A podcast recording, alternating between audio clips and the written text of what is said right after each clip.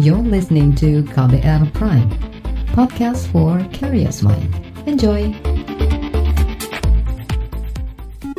Saatnya Anda dengarkan Ruang Publik KBR yang dipersembahkan oleh Kementerian Pan-RB didukung oleh kerjasama Indonesia-Jerman.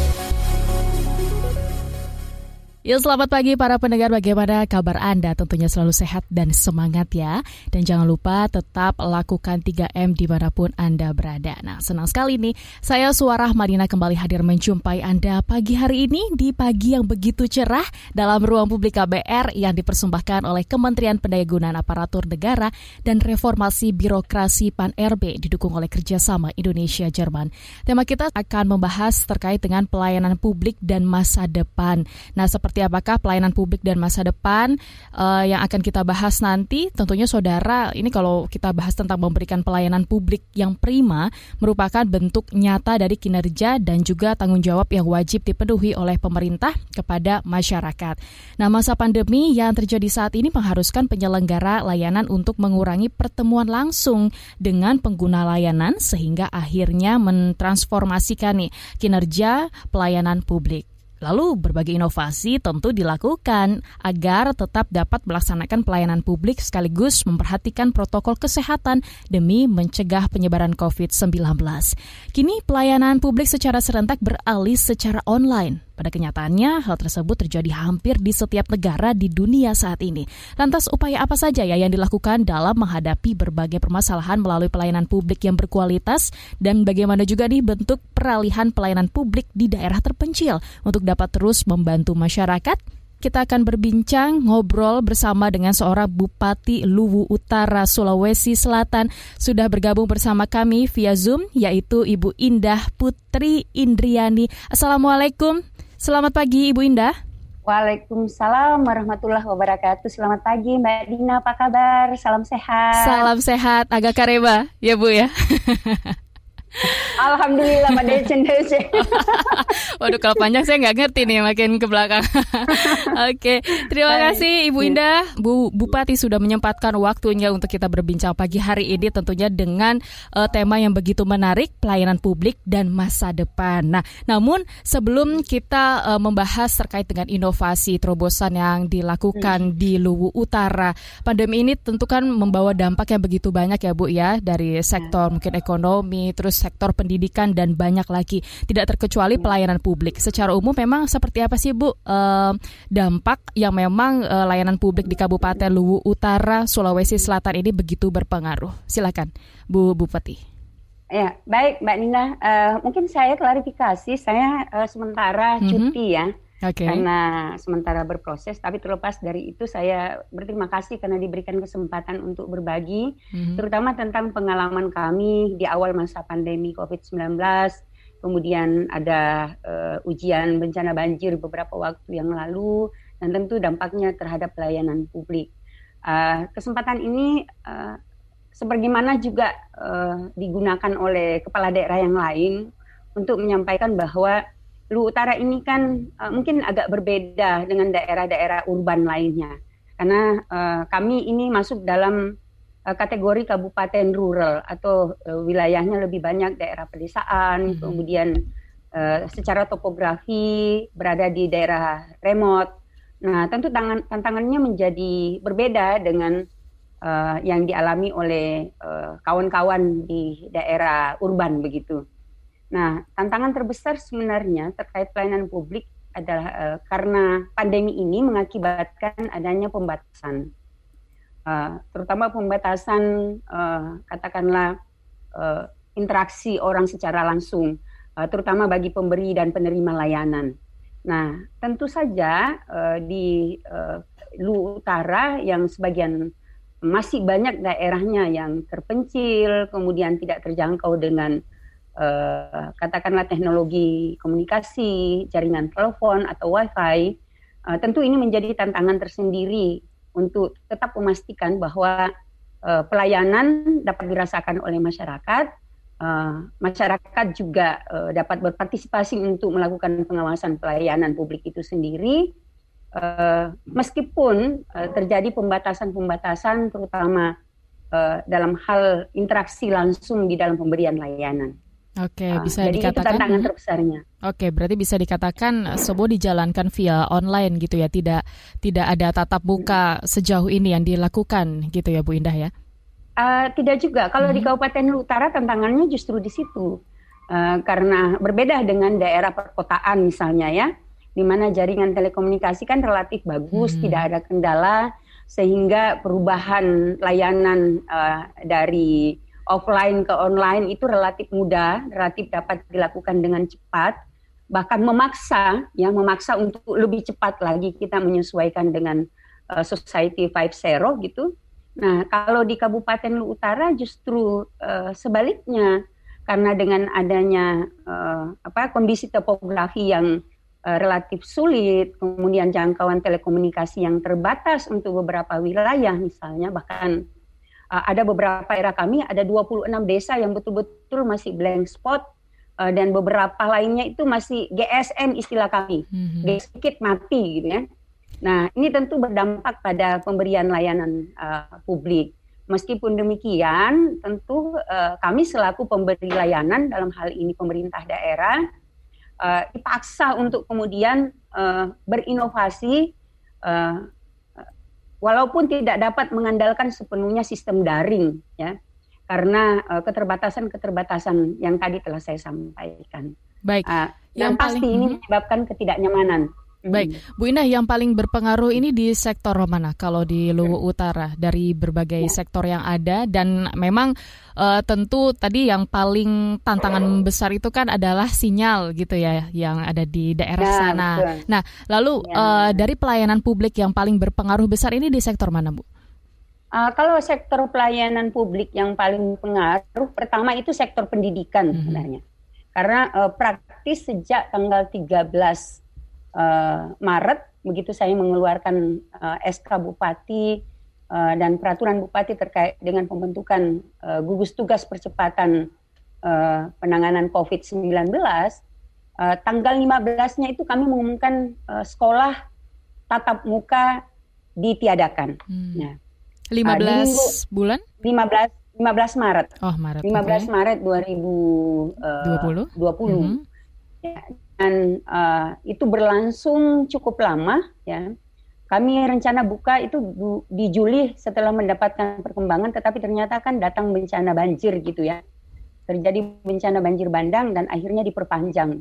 Uh, uh, jadi tantangan terbesarnya di situ, di sektor pendidikan, kemudian sektor uh, kesehatan, karena ada kekhawatiran masyarakat kami kalau datang ke rumah sakit atau ke uh, fasilitas kesehatan tingkat pertama di, di puskesmas misalnya, mereka ada kekhawatiran uh, harus direpit, mm-hmm. uh, bahkan kalau reaktif harus di swab gitu ya. Nah ini tentu saja uh, menimbulkan kekhawatiran bagi masyarakat. Ditambah memang uh, tantangan terbesarnya karena sosialisasi terkait dengan uh, apa itu uh, COVID-19 memang masih uh, di awal-awal uh, masa pandemi kan memang masih uh, sangat terbatas kalaupun cukup banyak berita yang diketahui, informasi yang diketahui oleh masyarakat, ini beritanya kan uh, banyak sekali berita yang tidak dapat dipertanggungjawabkan. Nah, Baik. jadi pemahaman masyarakat terkait COVID juga menjadi tantangan bagi pemerintah di dalam pemberian layanan terutama di sektor pendidikan dan kesehatan. Baik, tapi sejauh ini masyarakat yang ada di sana terkait dengan kesadaran mereka untuk memakai masker gitu, mencuci tangan gitu dan menjauhi kerumunan itu seperti apa Bu di sana? Kondisinya? Uh, ya. Uh, Apakah masih ada juga yang tanda kutip nakal gitu ya, tidak mau pakai masker? Ini kan PR terbesar ya, juga ya, nih untuk ya, Bu Indah ya. ya. Uh-huh. Benar. Uh, saya kira uh, tantangannya relatif sama di berbagai daerah lainnya ya. Bahwa persoalan kedisiplinan ini menjadi PR tersendiri. Tetapi kalau kami melihatnya lebih karena uh, mungkin pengetahuan ya, mm-hmm. uh, pengetahuan yang uh, cukup, informasi yang uh, yang apa, yang akurat yang diberikan didapatkan oleh masyarakat kita ini jadi PR. Uh, tetapi secara umum kalau terkait dengan tingkat kepatuhan, paling tidak di tiga bulan pertama itu alhamdulillah cukup cukup baik. Menurut saya cukup uh, disiplin masyarakat, meskipun memang di awal ini kan uh, apa ya. Uh, tantangan uh, dari warga juga tidak tidak kurang banyak gitu ya. Uh, terutama misalnya ketika ada pembatasan secara sosial untuk kegiatan keagamaan, kemudian kegiatan uh, uh, perekonomian dan beberapa beberapa kegiatan lainnya yang uh, kita ketahui bahwa mereka ini kan uh, budayanya kan budaya guyup Mbak Dina. Yeah. Jadi kami ini budayanya guyup, senang ngumpul mm -hmm. ya. Nah, sekarang di masa pandemi gimana nih? Ya benar, ngumpul nggak ngum apa makan nggak makan yang penting, penting ngumpul, ngumpul gitu kan ada istilah gitu ya. Nah adanya pandemi ini jadi tantangan, jadi memang merubah struktur budaya kita sebenarnya. Baik. Budaya kita betul-betul menangani uh, apa menghadapi tantangan yang cukup besar. Nah uh, kalau saya secara pribadi ini luar biasa karena saya kan uh, secara personal orangnya lebih senang di luar rumah ngumpul dengan warga daripada tinggal di rumah saja. Oke, okay. lalu Bu Bupati, ini tentu banyak sekali inovasi dan langkah juga yang dilakukan untuk uh, katakanlah seperti menenangkan masyarakat gitu. Apalagi ya. tadi kalau tidak berkumpul tidak asik gitu, ibaratnya seperti itu ya. kan ya Bu ya. Nah, ya. lalu kan ini menjadi uh, kinerja yang begitu berat juga gitu oleh Bu ya, Bupati ya. dengan uh, jajaran gitu. Apa yang dilakukan? Seperti inovasi apa dan juga langkah yang dilakukan agar mereka hmm. juga tetap mau mendengarkan uh, pemerintah gitu, mau mengikuti juga. Apa yang dilakukan? Uh, yang pertama sih sebenarnya memasifkan sosialisasi ya. Kita memasifkan sosialisasi kepada masyarakat terutama tentang apa uh, COVID-19 itu Uh, karena uh, kita ketahui bahwa banyak sekali informasi yang tidak terverifikasi dengan baik yang sampai ke masyarakat kita dan ini menimbulkan uh, banyak persepsi di masyarakat. Dan uh, memang PR-nya adalah bagaimana pemerintah menghadirkan trust ya kepercayaan. Dia menjadi sumber yang dapat dipercaya oleh masyarakat. Nah oleh karena itu uh, kami memanfaatkan beberapa saluran komunikasi yang dimiliki oleh pemerintah daerah kami punya misalnya radio kabar Lutra 100 FM. Itu kami maksimalkan setiap uh, hari uh, eh, uh, eh, SKPD atau instansi terkait itu kami berikan ruang untuk berinteraksi, menyampaikan layanan-layanan uh, alternatif uh, model layanan yang dilakukan selama pandemi. Nah, alhamdulillah ini juga cukup banyak membantu. Kemudian kami menggunakan uh, apa teman-teman ya uh, eh, NGO yang memang bermitra selama ini untuk secara masif mengedukasi. Misalnya kami punya KKT ya komunitas klaster indah di sektor kesehatan untuk mengedukasi uh, katakanlah ibu-ibu lansia ya, ya ibu hamil uh, untuk kemudian uh, tetap mau uh, beraktivitas meskipun dengan adanya pembatasan dan uh, mau berinteraksi atau apa ya ini uh, untuk mendapatkan layanan kesehatan. Kita pastikan bahwa mereka tetap bisa mendapatkan layanan kesehatan walaupun ada pembatasan di masa pandemi. Uh, kemudian inovasi yang lain misalnya uh, tantangannya kalau sektor kesehatan itu kan bagaimana kalau masyarakat membutuhkan intervensi dari dokter-dokter spesialis. Hmm. Nah, kami punya misalnya yang namanya kundacil ya, kunjungan ke daerah terpencil. Nah, ini ini mungkin agak menarik ya kalau di kota di kota dengan jaringan uh, telekomunikasi yang relatif baik, sinyal yang bagus gitu ya, uh, relatif tidak ada masalah uh, menggunakan media uh, sosial gitu ya. Nah kami mau nggak mau untuk daerah terpencil yang cukup banyak ya harus turun, harus turun ke lapangan ya. Nah tetapi dengan pembatasan yang dilakukan oleh masyarakat di daerah remote, nah ini juga sangat membantu Uh, tinggal yang kami pastikan bahwa uh, berkunjung dengan kondisi sehat itu adalah pemberi layanan. Ya, mereka di rapid, bahkan ada beberapa yang di swab gitu ya. Untuk memberikan ketenangan, kenyamanan, rasa tidak panik kepada masyarakat kita Baik. di dalam memberi uh, menerima layanan. Baik. Jadi dokter hmm. uh, dokter spesialis yang turun melakukan pelayanan di uh, di apa di daerah-daerah atau di daerah remote yang selama ini mungkin hanya dilakukan di rumah sakit rumah sakit atau di uh, apa di fasilitas uh, sarana kesehatan tingkat pertama. Oke, baik. Bu Indah Putri Indriani ya. nanti akan kita lanjutkan kembali. Kita harus jeda dulu sejenak terkait dengan inovasi dan terobosan yang pasti masih banyak lagi gitu yang bisa diceritakan. Oke, Ruang Publik KBR masih akan berlanjut usai jeda. Masih Anda dengarkan Ruang Publik KBR yang dipersembahkan oleh Kementerian Pan-RB didukung oleh kerjasama Indonesia-Jerman. Ya saudara terima kasih Anda masih setia bersama kami di ruang publik KBR yang dipersembahkan oleh Kementerian Pendayagunaan Aparatur Negara dan Reformasi Birokrasi PAN RB didukung oleh kerjasama Indonesia Jerman. Tema kita selama satu jam ke depan hingga pukul 10 waktu Indonesia Barat nanti akan membahas terkait dengan pelayanan publik dan masa depan. Baik saya masih bersama dengan Bupati Luwu Utara Ibu Indah. Ibu Indah masih bersama kami? Masih, Mbak. Masih, oke. Okay. Bu Indah, tadi sebelumnya kan disampaikan ada inovasi ya. seperti radio, terus KKT, dan juga Kundacil ya? Iya. Ya, nah mungkin ya, ada benar. inovasi lain lagi Bu uh, yang mungkin bisa disampaikan, silakan. Iya. Uh, di sektor pendidikan yang menurut kami juga masih uh, yang sangat terdampak uh, akibat pandemi COVID-19, uh, kami mempunyai beberapa inovasi. Di antaranya adalah uh, ada namanya GSS gitu ya, mm-hmm. guru sahabat siswa. Uh, meskipun juga kami juga membuat uh, apa ini semacam video ya video pembelajaran yang diputar oleh televisi uh, lokal gitu ya, tetapi ternyata tidak cukup uh, efektif karena masyarakat uh, siswa ini mungkin karena terlalu lama menginginkan untuk ada interaksi, hmm. interaksi uh, terbatas baik dengan uh, rekan-rekan siswa mereka maupun dengan uh, gurunya. Jadi Oleh udah nggak sabar pengen sekolah gitu ya Bu? Benar, karena kelamaan Mbak hmm. Dina. Ya, uh, ditambah tadi ya budaya yang memang uh, budaya guyup itu. Nah kemudian akhirnya uh, digagaslah yang namanya guru sahabat siswa. Nah guru sahabat siswa jadi guru ini kami bekali uh, dengan uh, cukup banyak ya terkait pengetahuan uh, termasuk tentang pandemi tentu dengan cara yang menyenangkan gitu. Nah, kemudian uh, materi-materi yang memang uh, menjadi kebutuhan ya, uh, atau kurikulum yang memang harusnya disampaikan uh, kepada siswa uh, dengan memperhitungkan waktu ya, uh, kemudian jumlah siswa dan dilakukan di tempat terbuka. Jadi guru sahabat siswa ini jadi seorang guru itu mengunjungi uh, sekitar 10 sampai paling banyak 15 siswa uh, di uh, satu jam.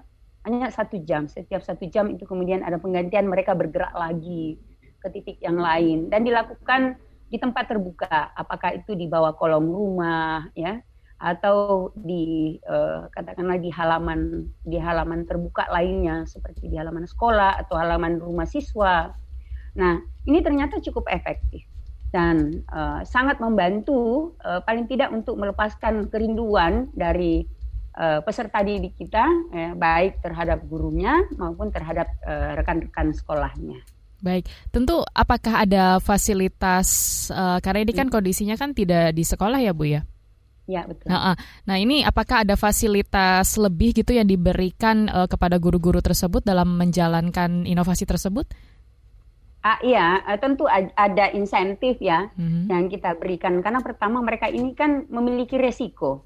Pertama resikonya karena uh, di saat orang lain yang lain diminta untuk uh, kerja dari rumah, ya work from home, kemudian uh, mungkin mengajar dari rumah gitu ya. Uh, tapi mereka justru uh, memilih untuk uh, mau mengunjungi uh, siswa karena memang kita nggak memaksakan ya Uh, jadi kami tidak memaksakan kepada guru. Ini pilihan karena hak mereka kan juga terutama uh, hak kesehatan, perlindungan dari pandemi juga harus kami penuhi. Nah, konsekuensinya ketika itu dilakukan tentu ada uh, apresiasi yang kita berikan kepada guru-guru yang bersedia untuk uh, melaksanakan tugas tersebut. Uh, tetapi sekali lagi Mbak Dina, kegiatannya tidak memang tidak menyeluruh, tetapi kami prioritaskan daerah-daerah yang masih zona hijau kira-kira hmm. seperti itu ya yang uh, ini uh, untuk memastikan bahwa uh, secara uh, apa kesehatan mereka tetap terlindungi meskipun juga uh, fungsi pelayanan di sektor pendidikannya juga berjalan. Baik, kalau Jadi, boleh uh, kalau boleh tahu Bu Indah di Lu Utara ini zona apa saat ini? Uh, kalau sekarang kalau saya nggak salah sudah kuning ya. -huh. uh, ya, jadi uh, sebenarnya cukup lama kami mempertahankan uh, daerah ini uh, dalam zona yang uh, hijau dan kuning.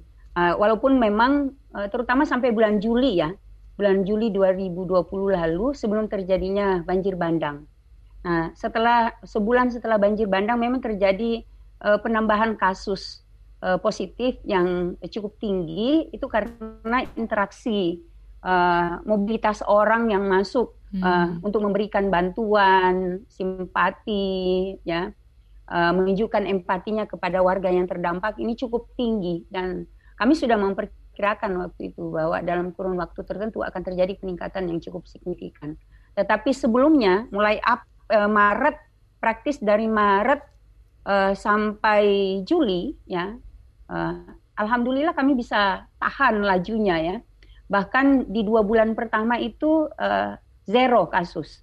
Ya jadi Maret zero, e, April nanti di akhir kalau saya tidak salah baru ada kasus itu pun semua impor case. Okay. Jadi sampai Juli uh, ada 57 kasus, itu semuanya adalah kasus impor. Jadi dari anak-anak anak-anak kami yang kebetulan dipulangkan dari sekolah mereka di uh, di uh, wilayah Lain. yang hmm. sudah terpapar ya, uh, terutama dari luar Sulawesi ya. Nah, ini yang kemudian uh, kami temukan itu juga karena uh, bentuk pencegahan.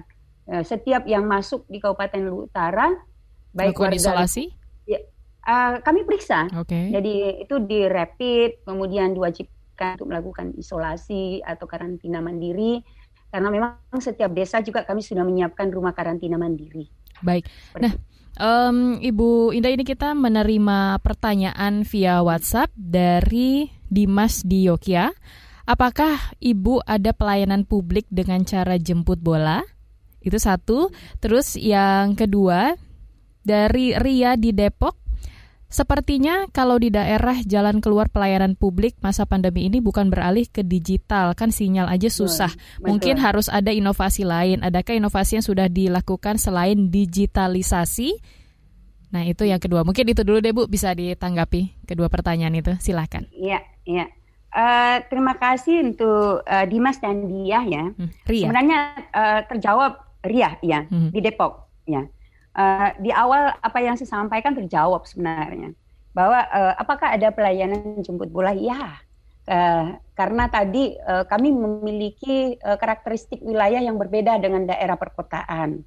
Ya, kalau di saat daerah perkotaan uh, justru ini momentum beralih ke layanan digital, justru di daerah kami dengan keterbatasan uh, infrastruktur telekomunikasi, uh, ini justru uh, harus uh, pola layanannya itu lebih banyak ke layanan jemput bola. Hmm. Nah, contoh misalnya tadi kami sampaikan bagaimana uh, apa uh, uh, contoh misalnya di sektor layanan kesehatan, pelayanan dokter-dokter spesialis yang uh, harusnya uh, tadinya itu banyak di rumah sakit atau melalui layanan online kalau datang ke perkotaan. Tetapi ini justru kami harus datang ke lapangan ya menjemput bola uh, di masyarakat gitu uh, melalui yang namanya kunjungan daerah terpencil ya. Nah ini mungkin uh, ada ya. inovasi lain. Adakah inovasi ya. yang sudah dilakukan selain digitalisasi seperti itu? Ya, ya. Yang antara lain tadi guru sahabat siswa. Jadi memang pilihan digitalisasi untuk daerah kami itu uh, bukan yang utama hmm. ya, uh, karena uh, itu tadi ada keterbatasan. Beberapa program yang sifatnya uh, jemput uh, bola mau tidak mau harus kami lakukan. Nah, contoh tadi ya guru sahabat siswa, kunjungan daerah terpencil, kemudian fasilitasi terhadap uh, apa uh, layanan terhadap uh, ibu-ibu yang uh, hamil melalui KKT misalnya ya. Jadi uh, seperti itu. Dan memang mayoritas uh, layanan uh, publik di Kabupaten Luhut Utara justru lebih banyak uh, bukan digital uh, inovasinya bukan uh, beralih ke digitalisasi. Oke, baik nanti akan kita lanjutkan kembali karena ada pertanyaan juga dari Jackson Margom-Gom Situmorang, apakah pelayanan online nantinya akan terus diaplikasikan meskipun pandemi sudah berakhir? Nanti hmm. ditanggapi usai jeda ya Bu Indah ya. Kita harus jeda dulu sejenak, Saudara. Ruang Publik KBR masih akan berlanjut. Masih Anda dengarkan Ruang Publik KBR yang dipersembahkan oleh Kementerian Pan-RB didukung oleh kerjasama Indonesia-Jerman. Terima kasih Anda masih setia bersama kami di Ruang Publik KBR yang dipersembahkan oleh Kementerian Pendayagunaan Aparatur Negara dan Reformasi Birokrasi PAN-RB didukung oleh kerjasama Indonesia-Jerman. Bagi Anda yang baru saja bergabung, tema kita masih membahas terkait dengan pelayanan publik dan masa depan. Baik, Ibu Indah, sebelum menanggapi pertanyaan via YouTube, tadi kita terima telepon terlebih dahulu. Sudah ada Hengki di Tomohon. Halo Pak Hengki. Selamat pagi. Ada yang saya mau tanya ke Ibu Bupati Luwu Utara, Kang. Begini, kira-kira apa kiat-kiat Ibu dalam apa melaksanakan pelayanan publik dikaitkan dengan kondisi pandemi COVID-19 ini? Mungkin ada kiat-kiat yang bisa diterapkan di daerah-daerah lain karena setiap pemimpin kan itu punya kiat-kiat tertentu, ada yang mungkin belum bisa diterapkan di satu daerah, bisa saja itu diterapkan di daerah yang lain. Baik. Jadi uh, saya, saya kira uh, kiat-kiat ibu kira-kira yang dapat membantu kami di daerah-daerah, apalagi kami yang di uh, setengah perkotaan memang agak susah menerapkan kiat-kiat itu. Baik, Dan saya kasih. saya dengar tadi mm -hmm. ibu mengatakan digital, digitalisasinya belum jalan paling banyak di sana. Jadi bagaimana kiat-kiat Ibu? Terima kasih KBR dan Ibu, selamat pagi. Selamat pagi, terima kasih Pak Hengki begitu semangat dari Tomohon. nah ini silakan uh, tadi juga ya. sebelumnya ada pertanyaan uh, yaitu via YouTube ya. Uh, Pak Jackson, apakah pelayanan ini nantinya akan terus diaplikasikan meskipun pandemi sudah berakhir? Silahkan, Bu Bupati. Ya, terima kasih Mbak Dina. Uh, selamat siang Pak Hengki di Tomohon. Saya pernah ke Tomohon, kotanya cantik sekali. Mm -hmm. Ya, uh, jadi kalau ditanya tadi apa kiat-kiat uh, Ibu dalam pemberian layanan publik uh, di tengah pandemi. Uh, jadi memang pasti uh, kalau secara umum sih prinsipnya kalau uh, kami selaku pemberi layanan adalah pertama dalam kondisi sesulit apa pun uh, harus memastikan masyarakat tetap mendapatkan pelayanan. Jadi uh, itu dulu. Uh, oleh karena itu, sebagai pemberi layanan, uh, tentu kami harus menyiapkan diri. Pertama, memberikan kepastian ya bahwa pemberi layanannya dalam kondisi yang sehat. Itu dulu ya, terutama uh, bagi layanan yang memerlukan memang interaksi secara langsung. Kemudian uh, yang kedua, uh, tentu terus mengedukasi masyarakat untuk tidak khawatir mendatangi uh, layanan tempat-tempat pelayanan publik khususnya yang memang di daerah yang tidak dapat mengakses layanan digital. Nah, ini jadi uh, bagaimana menenangkan masyarakat dengan cara memberikan informasi yang terverifikasi dengan baik, ya. Jadi secara tidak langsung juga sebenarnya kita mengedukasi masyarakat. Nah, kemudian yang ketiga, memastikan di setiap tempat pemberian layanan itu diterapkan protokol kesehatan yang ketat. Nah, sekaligus memastikan bahwa di dalam pelaksanaannya eh, benar-benar ditegakkan pendisiplinan di dalam pemberian layanan. Nah, intinya sebenarnya itu menghadirkan uh, rasa aman, rasa nyaman, uh, kepercayaan masyarakat bahwa mereka bisa mendapatkan layanan secara langsung, tetapi kesehatannya juga uh, harus kita jamin uh, dapat tetap terjaga. Kira-kira seperti itu ya Pak Hengki. Iya. Hmm. Baik, tadi juga Kemudian ada Kemudian kalau Pak hmm. Jackson Jackson tadi ya. Iya, betul. Oke. Okay. Nah, apakah pelayanan via digital akan diberlakukan meskipun pandemi tetap berlalu? Saya kira persoalan layanan digital ini telah kita mulai jauh sebelum pandemi berla uh, datang ya. Mm -hmm. Itu telah dimulai uh, pihak Kementerian PAN dan RB. Saya ingat persis ya bagaimana terus melakukan pendampingan termasuk bersama dengan JIC Transformasi. Nah, ini mengedukasi pemberi layanan, bahkan bukan hanya pemberi layanan, tetapi juga uh, penerima layanan melalui pelibatan multi pihak uh, NGO lokal, ya termasuk media, jurnalis warga, dan uh, saya kira ini uh, merupakan keniscayaan. Jadi uh, kayak kami ya di Lutara seperti kami di Lutara meskipun ada keterbatasan terutama uh, dari sisi jaringan telekomunikasi, tetapi kemudian tidak berarti layanan digitalisasinya menjadi uh, berhenti gitu ya. Nah, inilah tantangannya dan tentu butuh uh, sinergitas program terutama dengan Kementerian uh, Kominfo. Kami mohon mungkin melalui KBR ini ya bisa didengarkan Untuk kita juga. nih, uh -huh. uh, karena Pak, ya, karena Pak Jokowi dulu pernah kan punya cita-cita. Saya sempat ikut uh, rencana launchingnya di Jakarta waktu itu. Uh, Indonesia terkoneksi. Nah, tentu persyaratan utama dari Indonesia terkoneksi di mana pun kita berada adalah telekomunikasinya yang mumpuni, jaringan telekomunikasi yang mumpuni. Jadi uh, terkait dengan digi digitalisasi ini, saya kira sekali lagi dia sebuah keniscayaan, sebuah uh, kepastian yang harus kita siapkan juga dengan baik. Jadi sinergitas program dari kementerian terkait, kemudian konvergensi program juga menjadi uh, penting okay. uh, menjadi apa ya uh, untuk untuk bagaimana kita uh, bisa memastikan bahwa bisa lancar pelayanan, juga ya Bu ya pelayanan benar. ini untuk ke depannya jadi ya. tidak hanya masa pandemi saja pasca Betul. pandemi yang kita harap bersama-sama cepat ya. berakhir gitu baik Ibu Indah kita terima iya. telepon ya. kembali sudah ada ya. Hana di Bogor halo Hana Halo, selamat pagi. Selamat pagi, silakan. Iya, ini memang bagus sekali ya yang Ibu uh, Bupati bilang kalau walaupun koneksi internet, koneksi sinyal di sana masih agak susah, tapi tidak menghentikan untuk adanya layanan digital.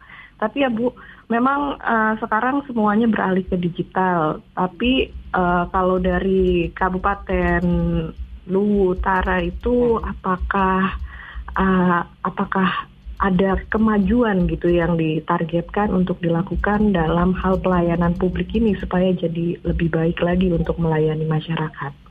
Oke, okay. ya, baik terima kasih saja. Ibu Hana dari Bogor sudah bergabung bersama kami. Apa target ke depannya? Mungkin sesuai dengan tema kita juga nih ya. masa depannya gitu. Ya. Silakan Ibu depan. Indah. Ya, ya uh, terima kasih Mbak Hana di Bogor. Semoga selalu sehat.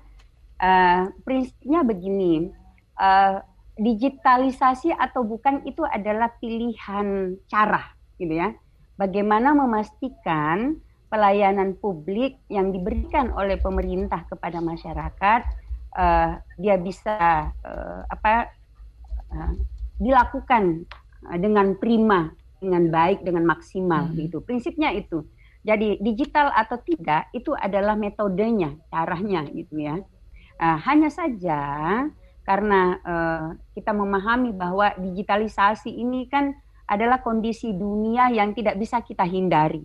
Jadi ini ada perubahan di sekitar kita yang mau tidak mau kita harus uh, mampu beradaptasi. Mengikuti ya, zaman juga gitu ya, Bu. Uh, dengannya ya, hmm. uh, tapi dengan catatan bahwa kita yang mengendalikan uh, itu untuk memberikan manfaat terutama dalam pelayanan kepada masyarakat.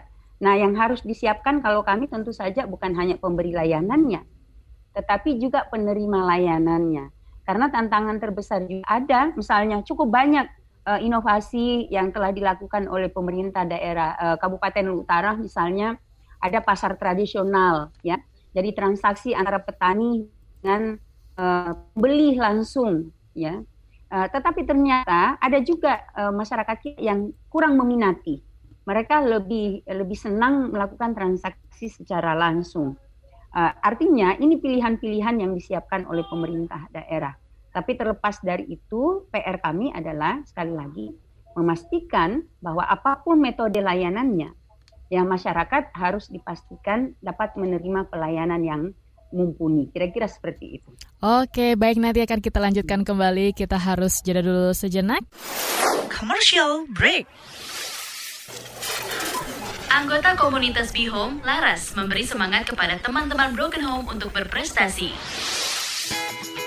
Kalian tidak sendiri dan keluarga yang patah bukan berarti menghancurkan hidup kalian semua. Buktikanlah bahwa anak broken home itu juga berprestasi dan bisa berkembang sebagaimana layaknya anak-anak di luar sana karena untuk menjadi anak yang berprestasi atau sebagai anak yang dicap nakal itu tidak hanya dari anak broken home, anak dari keluarga yang utuh bahkan dalam keluarga yang utuh namun di dalamnya banyak konflik pun itu bisa menyebabkan nakalan remaja lah istilahnya. Simak obrolan selengkapnya dalam podcast Disco, diskusi psikologi dalam episode Ketika Rumah Bukan Tempat Ramah di kbrprime.id dan platform mendengar podcast lainnya.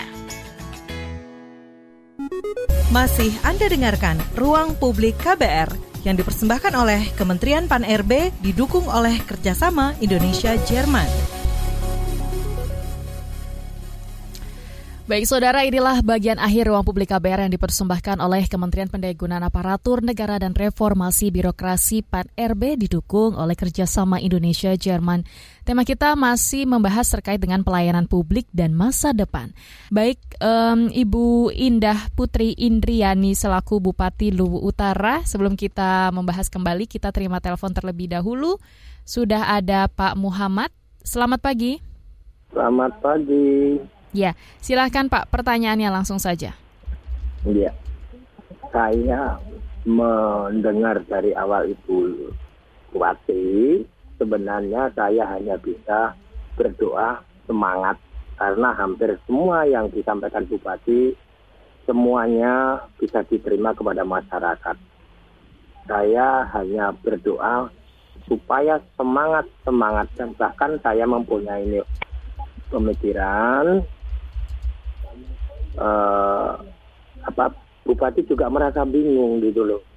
Oh ini pandemik kelihatannya ada ada penyakit tetapi ya tidak kelihatan. Nah, hanya saya orang Solo hanya berdoa semangat saja. Baik. Itu saja. Terima kasih. Baik, terima kasih atas apresiasinya Bapak Muhammad Sahid dari Solo. Wah ini beda jauh ya dari Sulawesi dan juga uh, Jawa Tengah gitu. Bagaimana nih? Ini ada apresiasi dari uh, daerah lainnya. Nah sebenarnya apresiasi ya. dari uh, wilayah Luwu Utara sendiri bagaimana sih respon dari masyarakat sejauh ini dan juga menanggapi dari Bapak Muhammad Sahid. Silahkan Bu Indah. Ya. Baik, terima kasih Pak Muhammad Sahid di Solo. Uh, terima kasih Pak Muhammad Syahid. Saya kira apresiasinya ini menjadi apa ya penyemangat ya penyemangat bagi teman-teman untuk uh, tetap uh, berusaha keras menghadirkan pelayanan uh, publik yang prima uh, meskipun memang begitu banyak tantangan. Tapi kami yakin juga bahwa kondisi-kondisi uh, serba terbatas sesungguhnya itulah uh, apa yang paling sering uh, melahirkan eh, ruang-ruang uh, untuk membuat ide-ide kreatif, uh, inovatif uh, di dalam pemberian pelayanan.